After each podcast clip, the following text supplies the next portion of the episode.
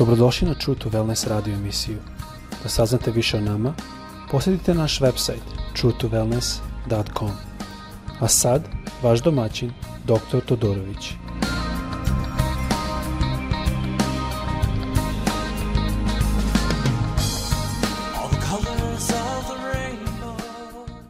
Dobar dan i dobrodošli na našu drugu epizodu o hrišanstvu i obrazovanju – Prošli put smo čitali u e, knjizi Izlaska, 31. glava, drugi do peti stih, a danas ćemo čitati u istoj knjizi Izlazak, ali 36. glava, te ćemo vidjeti malo šta je e, Mojsi radio i kako je gospod vodio a, ceo taj proces. A, šta bih želo prvo da spomenem je da prošli put dok smo govorili, govorili smo o tome kako je Duh Sveti dao mudrost, razum, znanje i svaka veština što je bila potrebna. Tu vidimo da gospod daje znanje, to jest obrazovanje u jednom smislu nama, ali to je jedan alat. I našli smo i govorili smo o tome da je jako bitno imati ravnotežu, jer biti obrazovan ne znači da je, smo dobili inteligenciju neku i da smo sada pametniji od drugih. Što više spomenuo sam da inteligencija dolazi više od poniznosti ili kroz poniznost, kroz što mi kažemo na engleskom learning agility, to jest naklonjenost veća da se uči i nauči iz situacije.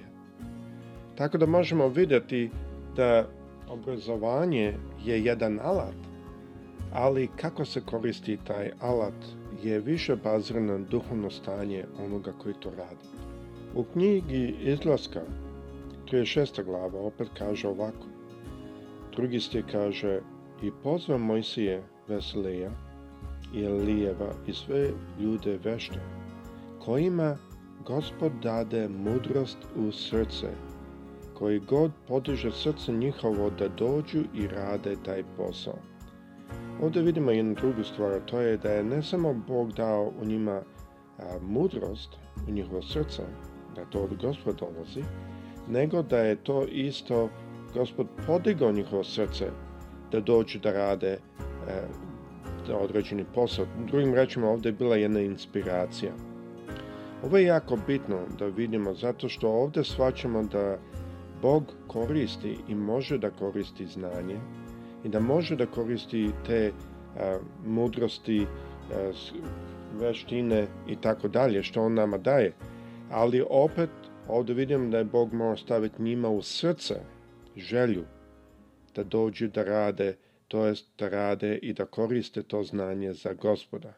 Ovo je druga stvar, ovo je opet pitanje, to je jedna ravnoteža, ali ovde vidim da Bog daje specifičnim ljudima u srce da dođu i da rade na domu Božjem, da dođu da koriste to znanje što imaju za gospoda i za Boga. Ovde možemo da vidimo da ta veština, to je obrazovanje, i dalje radi pod jednim srcem koji želi da radi stvari za Boga.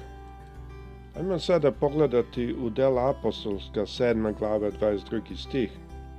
Ovde kaže i nauči se Mojsije svoj premudrosti misirskoj i biješe stjelan u rečima i u delima.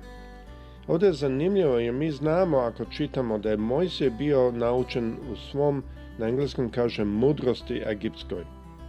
I da, kao što vidimo i kao e, Stefan što je govorio, bio je silan u rečima i u delima. Ovo je ono što smo govorili o maču. Da je znanje i obrazovanje kao jedan mač. To oštri naš mač, mi smo bolje u stanju da radimo posao što radimo. Ali mi i dalje smo upravi s tim šta ćemo s tim mačem raditi, dobro ili zlo vidimo da je posle 40 godina obrazovanja, 40 godina kad je Mojsije bio princ, da je Bog dozvolio situaciju da je on sada postao pastir. I 40 narednih godina bio je pastir. E zašto je sad ovo bitno? U egipskoj kulturi najveća pozicija je bila da si princ, da je Mojsije bio prvi 40 godina a najniža pozicija je bila pastira koji čuva ovce. I zanimljivo da je gospod dozvolio da je Mojsije morao provesti jednako vreme da u poziciji princa, da je on bio naučen svom znanju egipskog, kao što vidimo u dela apostolska da isto kaže, ali posle 40 godina on je čuvao ovce. E sada, oni su to doba gradili piramide, jer ne mislim da on koristio to znanje uopšte tih 40 godina. Tako, zašto je gospod onda to dozvolio? On je to dozvolio zato što posle toga Mojsije je bio ponizan, bio neko koji je bio spreman da sluša gospoda. Čak kad ga je gospod slao, on je verovao da on ne može to činiti. Ali i dalje ima ono znanje, dalje je bio kao što kaže ovde um, Stefan, silan u reči i u delima. I ovo je jako bitno da shvatimo da gospod mnogo puta koristi ljude. Čak najbolji čovek za gospoda koristi neko koji je naučen i koji ima obrazovanje, ali i isto ima jednu poniznost da može to koristiti za gospoda. Jedan duhovni stav je bio potreban Mojsiju ovde i taj stav, kao što vidite, nije dobio kroz obrazovanje. To je isto jako bitno danas za naše biblijske škole. Većinu naše biblijske škola, kažem većinu, ne sve, uče znanje. Ali kao Mojsije nisu dobili stav poniznost, nego samo znanje.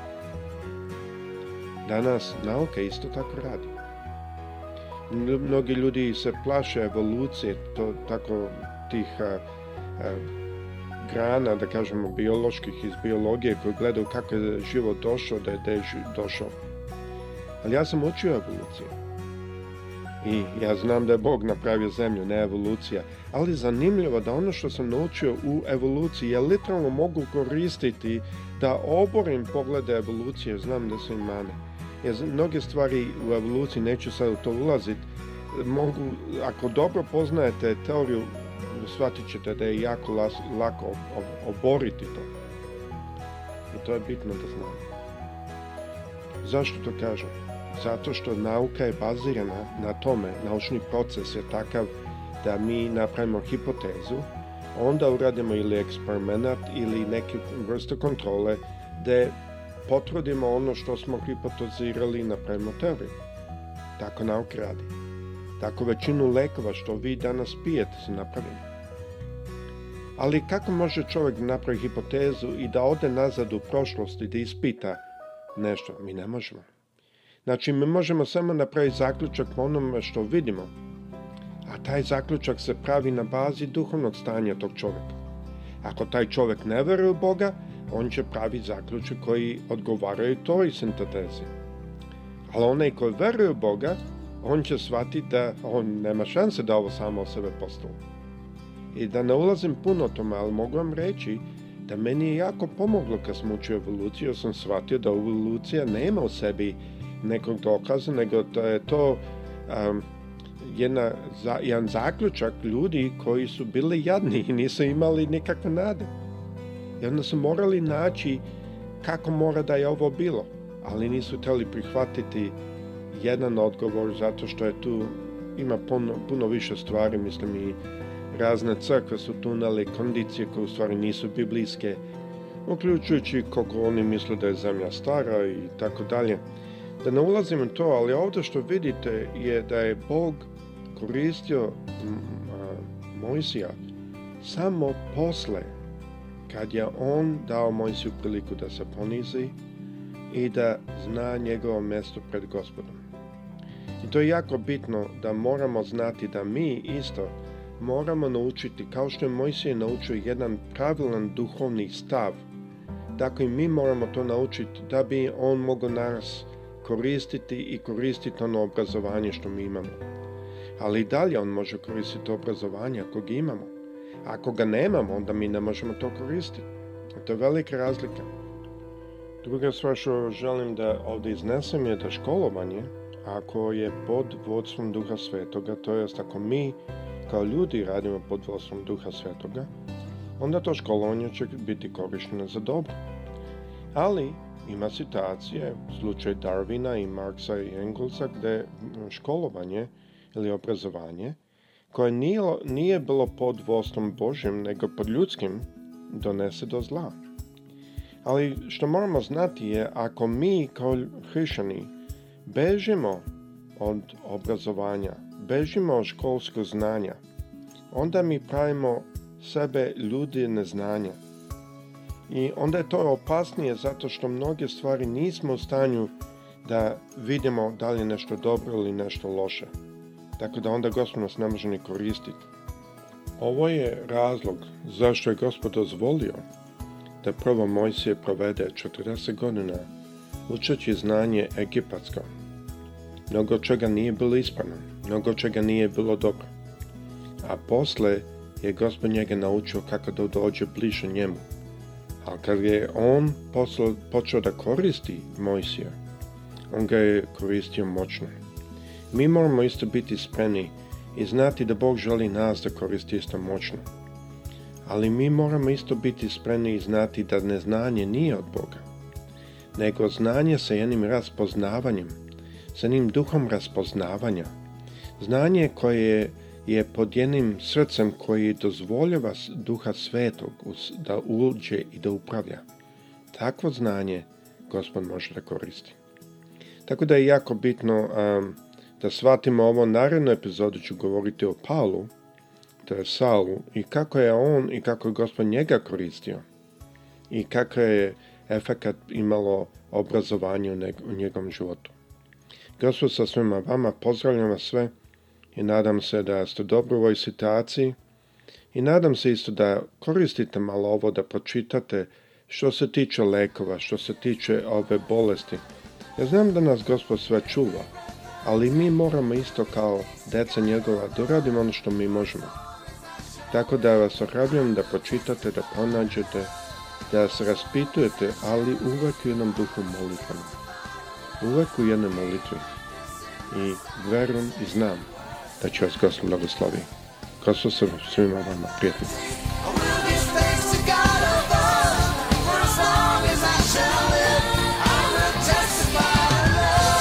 Slušajte True to Wellness radio emisiju.